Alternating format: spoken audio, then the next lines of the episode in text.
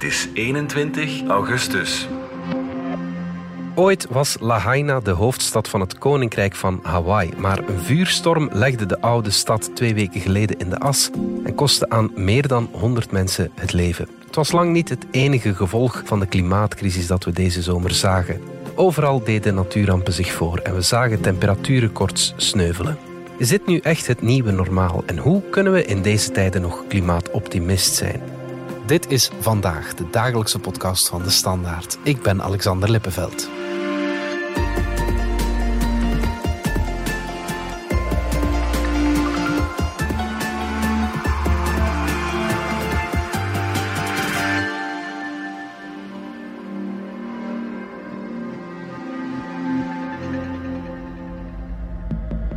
just had the worst disaster I've ever seen. All line is burnt to a crisp. It's like an apocalypse. Oh my gosh, look at the harbor. Oh my gosh. This looks like Baghdad or something. Both sides, to the left and the right, are on fire.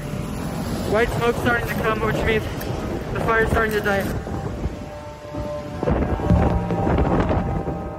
It was just so much smoke you couldn't hardly see anything, and then all the trees that were down and still on fire, and our house was completely flat. It looked like a bomb went off. I realized when it was time to go when the smoke was so dark, we could not see anything outside. We just went back a little bit ago, and it is a war zone. I've never seen anything like it.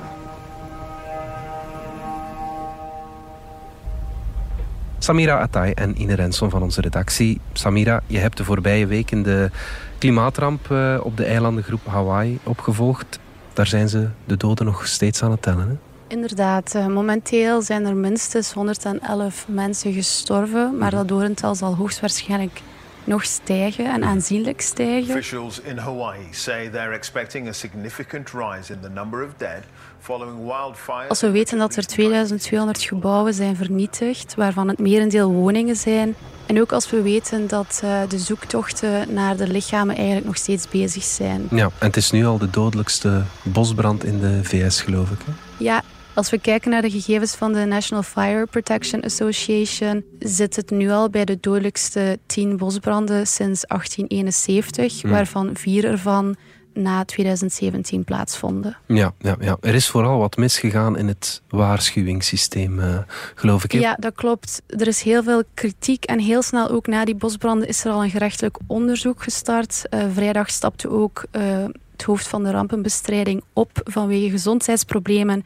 Maar ook hij kreeg veel kritiek. Waar ging het fout? Enerzijds waren er al wetenschappers die in 2020 een rapport naar buiten brachten met een waarschuwing dat er heel grote bosbranden kunnen plaatsvinden in West-Maui, waar dat er dus nu ook hebben plaatsgevonden. Mm En Maui is een eiland dat zich daar deels op heeft voorbereid door sirenes te plaatsen die mensen moeten waarschuwen voor uh, natuurrampen. Ja. Maar die zijn stilgebleven tijdens deze bosbranden.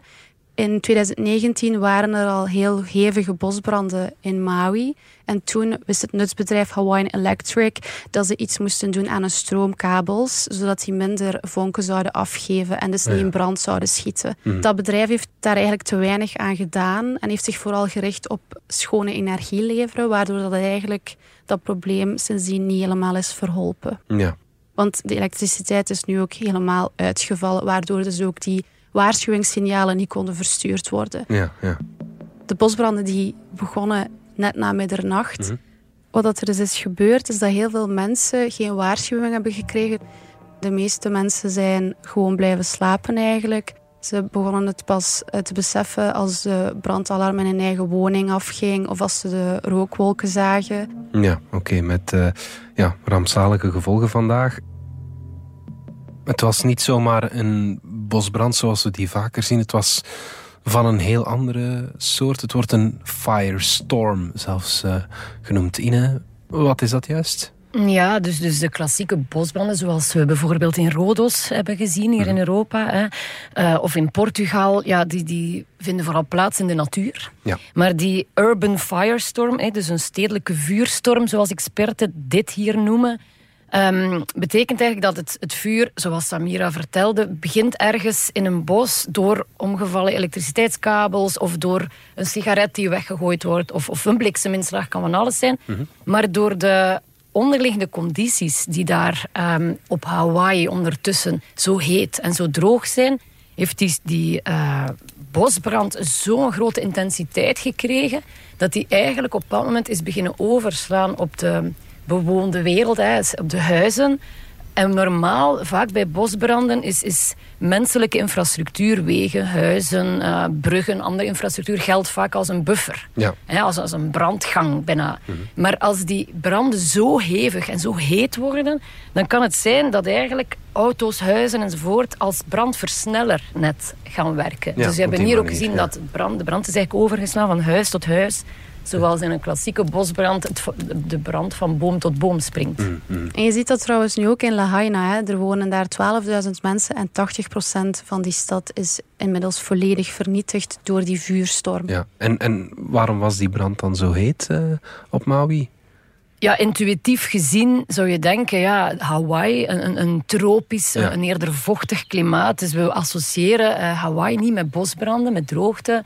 Ik denk dat de toeristen die daar naartoe gaan dat ook niet doen. Hè. We hebben een heel ander beeld van die eilandengroep. Maar uiteindelijk is Hawaii al een heel eind niet meer die tropische eilandengroep van weleer. Hè. Ook Hawaii is door de klimaatverandering veel droger geworden. Je hebt er ook het probleem van uitheemse vegetatie, grassen die daar zijn aangeplant, die ook als brandversneller hebben gewerkt. Dus de onderliggende condities zijn veranderd. Het is heter, het is droger, waardoor bosbranden daar ook heel snel uh, kunnen uh, verspreiden. Het Hawaii wordt, sommige delen daarvan zijn echt een kruidvat geworden. Ja, ja. Het is heter, het is droger, maar er was er ook nog een cycloon, een nabije cycloon, die een enorme windsnelheden met zich mee heeft gebracht, waardoor dat die hete lucht en die vuurzee zich ook nog eens veel sneller uh, heeft kunnen verspreiden. Door de cycloon, zeggen sommigen ook, zouden die, in, die elektriciteitskabels waar Samir het over had, ook omgevallen zijn. Het is altijd een samenspel. Hè? Dus, Maar mm. je ziet ook bij die natuurrampen dat heel veel verschillende elementen op elkaar beginnen inspelen. Ja, oké. Hawaii is niet de enige plek waar we dat niet zouden verwachten en dat er zich klimaatrampen uh, voordoen, of deze zomer toch? Ja, als je alleen al kijkt in Latijns-Amerika, zijn er een paar voorbeelden die heel erg opvallend zijn. Ehm, je hebt het regenwoud, de Amazone. Een regenwoud brandt normaal niet uit zichzelf. Dat brandt omdat sojaproducenten en veeboeren in het droge seizoen dus de boom omhakken en dan branden aanrichten om, eh, om het hout om te, op te fikken eigenlijk. Mhm, mhm. Maar uh, wat je nu ziet is dat die branden die door de mensen worden aangestoken ontsnappen in het bos. Ook daar weer, omdat het regenwoud, hele stukken daarvan zijn heel droog geworden. Mm hele stukken regenwoud zijn in wezen geen echt regenwoud niet meer, maar, maar um, een bos in verval. En daar kan een brand in, in, in, ontsnappen. En wat je ziet is dat in het regenwoud onder de, het bladerdek, waar satellietbeelden het ook niet kunnen zien, vuren smeulen mhm. en dan terug oplaaien. Dus dat is zeer atypisch. Ja, je hebt daar trouwens uh, net een reeks over geschreven, over het uh, Amazonewoud te vinden op standaard.be. De reeks heet Conflict Soja, dus uh, daarop zoeken. En het gaat vooral over de ontbossing daar en de effecten daarvan. Zeker lezen dus. Um, maar het is niet alleen dat er daar uh, in het Amazonewoud problemen zijn. Hè? Ja, nog, nog heel opvallend op dit moment is bijvoorbeeld Uruguay. Hè. Uruguay is een land um, wat het qua klimaat, qua ecologische voetafdruk eigenlijk vrij goed doet. Dat is een land dat aan het ontwikkelen is, maar tegelijk de voetafdruk niet gigantisch doet stijgen. Ze hebben een heel goed beleid daar. Tegelijk is Uruguay ook een land waarvan men zegt het loopt vooruit op de klimaat, of, of het blijft weg van de vreselijke klimaatcurves. Je hebt daar heel veel water, rivieren, aquifers, dus zoetwaterbellen. En nu, uitgerekend, Uruguay valt zonder water. Mm. Daar is in Montevideo, in de hoofdstad, uh, zijn mensen al maanden uh, aan het sukkelen. Is er um, niet genoeg water, echt grote schaarste, waardoor men brakwater op de leidingen heeft moeten steken. Mensen moeten zich daar wassen, koken met, met zout water. Er zijn ook grote protesten. Dus dat zijn zeer atypische voorbeelden. Ja, ja, ja absoluut. Uh, maar goed, het was in de hele wereld een dramatische klimaatzomer. We hebben eens een en ander op een rijtje gezet. Planet Earth is on fire. At least that's what it feels like. The hottest day on record globally. Death Valley in California hit 53.9 Celsius on Sunday. 53.9 Here in the US, the heat is spiking emergency room visits because of burns. We're seeing record breaking temperatures in Asia this summer, too. It's been unseasonably hot, not just in Spain, but also in Portugal and Morocco. All those three countries, in fact, broke records yesterday. Corfu has become the latest Greek islands to issue evacuation orders as the country grapples with a series of devastating wildfires. 2023 has been declared the worst year ever for wildfires in Canada, and there's still six months to go. Well, now, leading scientists have told the BBC they're concerned by the recent run of new climate records being set, saying the speed and timing of them is unprecedented. The era of global warming has ended, the era of global boiling has arrived. Die laatste uitspraak was van uh, Antonio Guterres, de VN-baas, een paar weken geleden. De global boiling uh, noemt hij het nu. Uh, het, ja, kookpunt, zeg maar, van de klimaatopwarming. Heeft hij een punt? Ja, hij heeft zeker een punt. Hè. We, zien, we kijken om ons heen en we zien dat de wereld in brand staat. En, en velen lijken het nu pas te beseffen, dat het echt serieus is. Er is heel lang gezegd dat de klimaatopwarming een gevaar zou zijn voor de volgende generaties. Maar wat Guterres zegt, het, is, het gebeurt nu. Hij zegt de wereld is niet aan het opwarmen, de wereld is aan het koken. En, en hij, hij, sprak in die speech ook over een cruel summer, hè, dus een, een vrede zomer. Hij zegt ja, de klimaatverandering is hier, het is vreselijk en het is nog maar het begin. Mm Guterres is trouwens uh, interessant als VN-baas, die doet dat wel meer. Zo hard uit de hoek komen, onze geweten schoppen. Toen het laatste IPCC-rapport verscheen vorig jaar in april, is zij ook heel fel het, uh, uit de hoek gekomen. Ja, ja panel, van het uh, internationaal ja. klimaatpanel. Dus toen was zijn oordeel ook vernietigend. I've seen many scientific reports in my time, but nothing like this.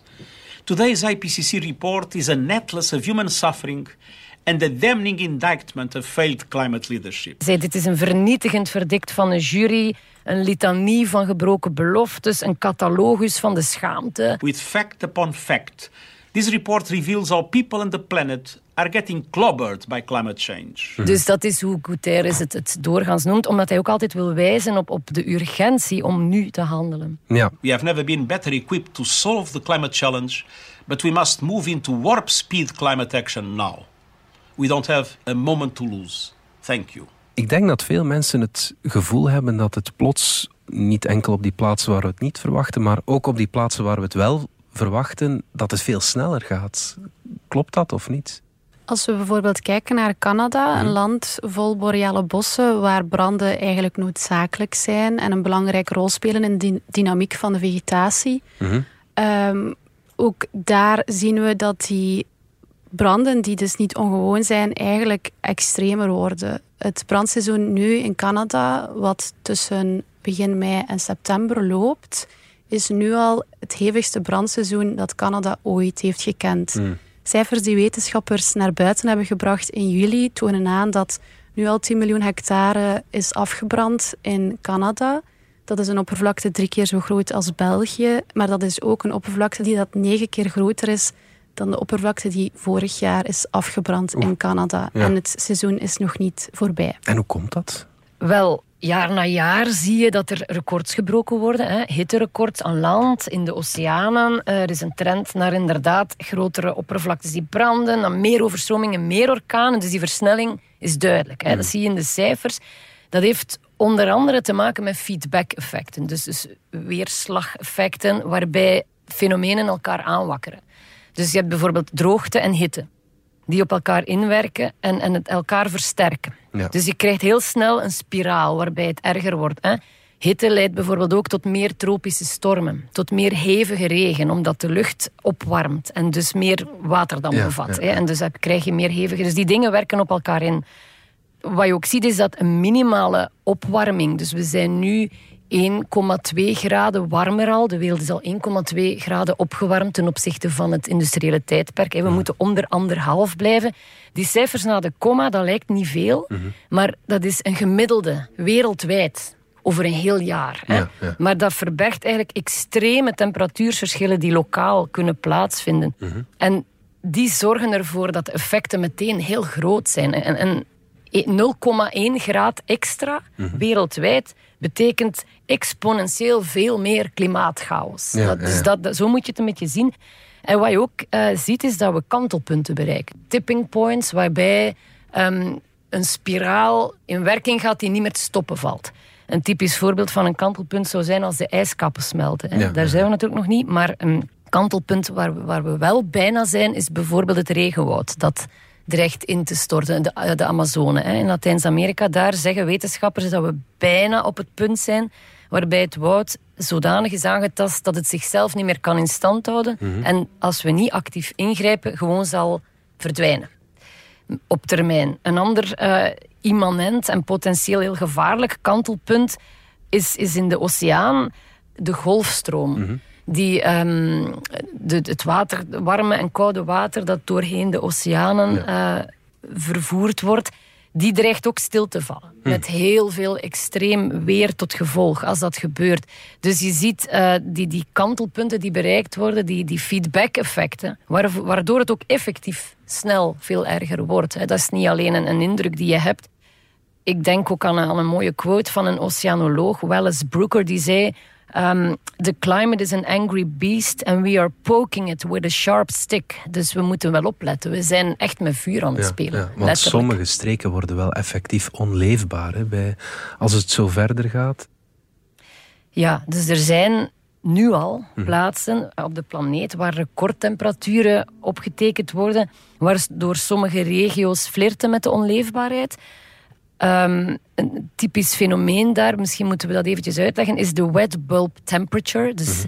dat is eigenlijk letterlijk vertaald is dat de natte boltemperatuur. Mm En dat is eigenlijk het, uh, de combinatie van hitte en luchtvochtigheid. En mhm. nog een aantal andere parameters. Dus dat is niet gewoon graden Celsius uh, zoals een normale temperatuur, maar die temperatuur meet combinatie van warmte en vochtigheid. en bij een natte boltemperatuur van 35 graden wordt het voor de mens eigenlijk onleefbaar. Dat kan je als gezonde, fitte mens niet langer dan een aantal uur volhouden. Ja. Dat is eigenlijk het punt waarop je niet meer kan zweten.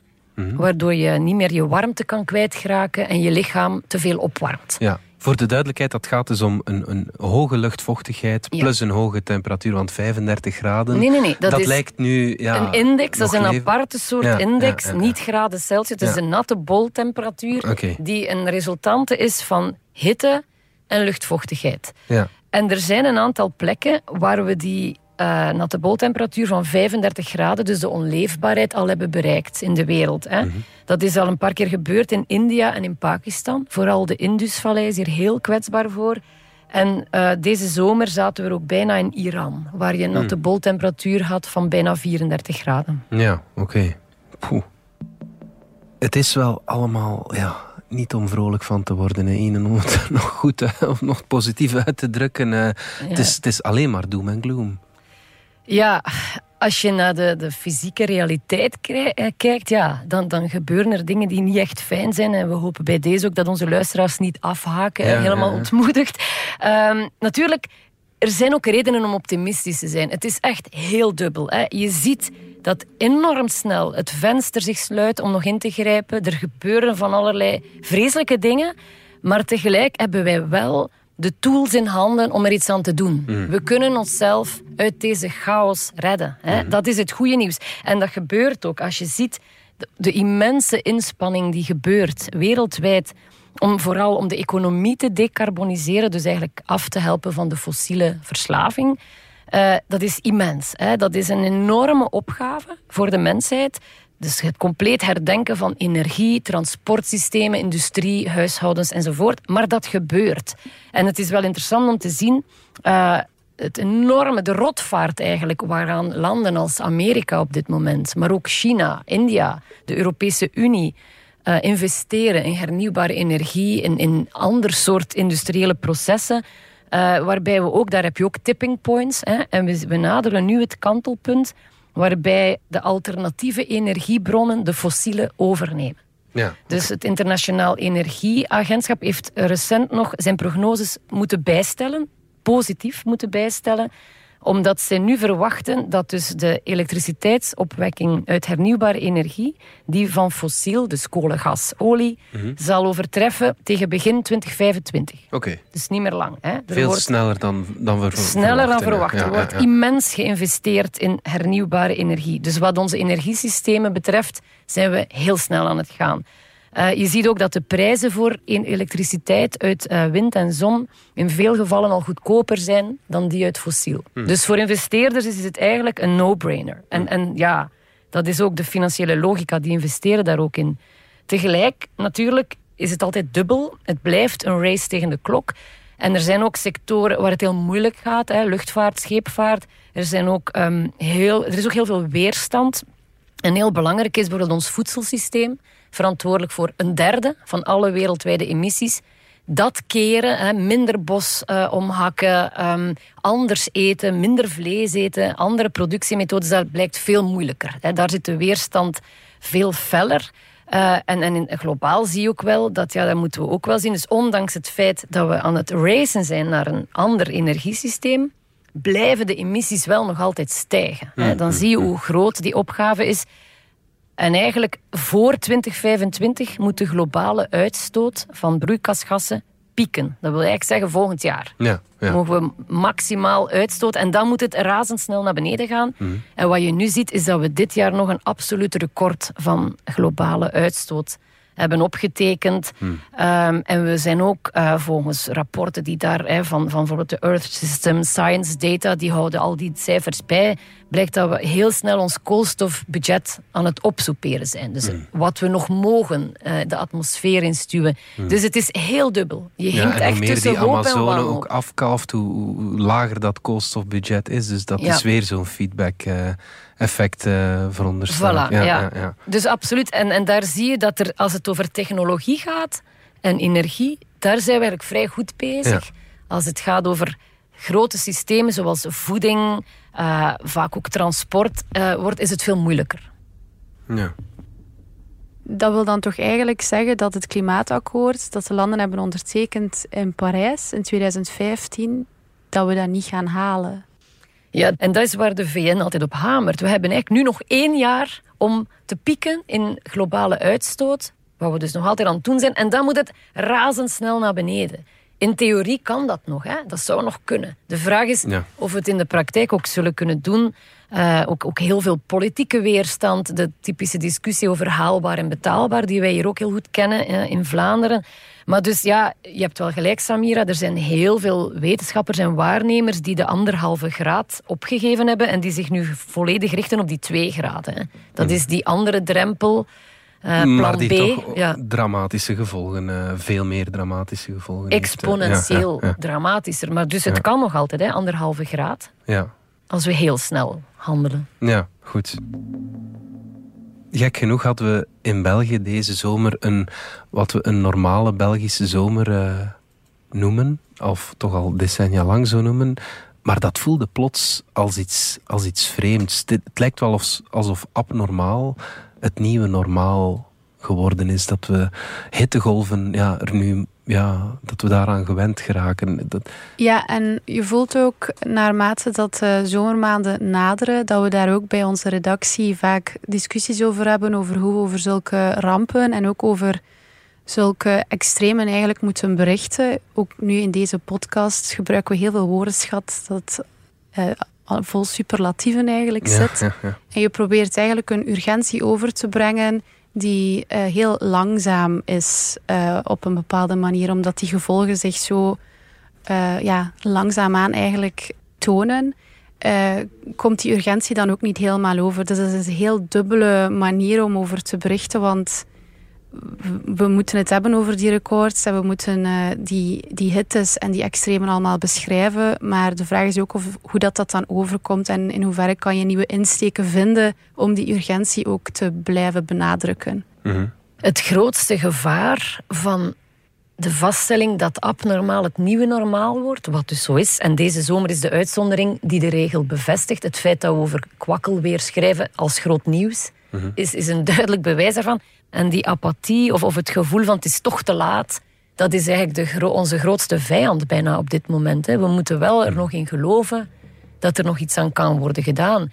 Ik denk bijvoorbeeld, ik had vorige week een, eh, een interview met een belangrijke Braziliaanse klimaatwetenschapster. Die, die na de mislukte Amazonetop, hè, dus ze zijn er dus weer niet in geslaagd om een harde stop op ontbossing af te spreken in de Amazone. Ja, die Luciana Gatti heet zij, die is echt als wetenschapster ook wanhopig. Hè. Die ziet in haar modellen wat er aan het gebeuren is. Ze ziet hoe dat woud aan het instorten is, een van de grootste klimaatbuffers ter wereld. En ze kan niet ingrijpen. Zegt, het is alsof ik naar een horrorfilm kijk en niks kan doen. Maar als je dan vraagt, ja, verlies je dan de hoop en de moed? Dan is zij heel ferm. Dan zegt ze, dat mag niet. We mogen nooit de moed verliezen. En die... die wanhoop gemixt met een soort van apathie Mm. of lethargie of het gevoel het is te laat. Dat is echt een dodelijke cocktail. Dus we moeten ja, Niet erin laten blijven gebeuren. geloven. ja. En hoe kunnen wij dan als, als, als media nog over het hoopvolle berichten, zeg maar? Ja, we zitten in een cruciaal tijdsgevricht, hè, waar er zoveel moet gebeuren. En zoals ik zei, er gebeurt ook heel veel. Hè. En wij staan daar als media, als waarnemers naar te kijken, waarbij dat je aan de ene kant ziet van ja, ons, ons leefmilieu, ons klimaat gaat om zeep. En tegelijk is er zoveel wat we wel doen wat goed is. En ik denk dat, die, dat wij continu weg en weer eh, geslingerd worden, ook wij als journalisten, tussen die hoop en die wanhoop. En dat het de bedoeling is dat we beide pijlers belichten. Hè? Dat we zowel blijven schrijven over, ja, hier gaat het volledig fout. En dat we dat ook niet onder de mat vegen, om de mensen niet te ontmoedigen. Maar dat we tegelijk ook vertellen waar het wel, hoe het wel kan. Waar de kansen zitten voor onze economie, voor, voor, voor ecosystemen, voor, voor eh, een betere planeet. Hè? En dat, dat, daar moeten we ook over blijven schrijven natuurlijk. Laat ons eh, hopen dat de podcast goed binnenkomt, maar eh, dat denk ik wel bij de luisteraar. Ine en Samira, dank jullie wel. Graag gedaan. Graag gedaan. Dit was vandaag de dagelijkse podcast van de Standaard. Bedankt voor het luisteren. Volg ons op Spotify, Apple Podcast of eender welk ander podcastplatform.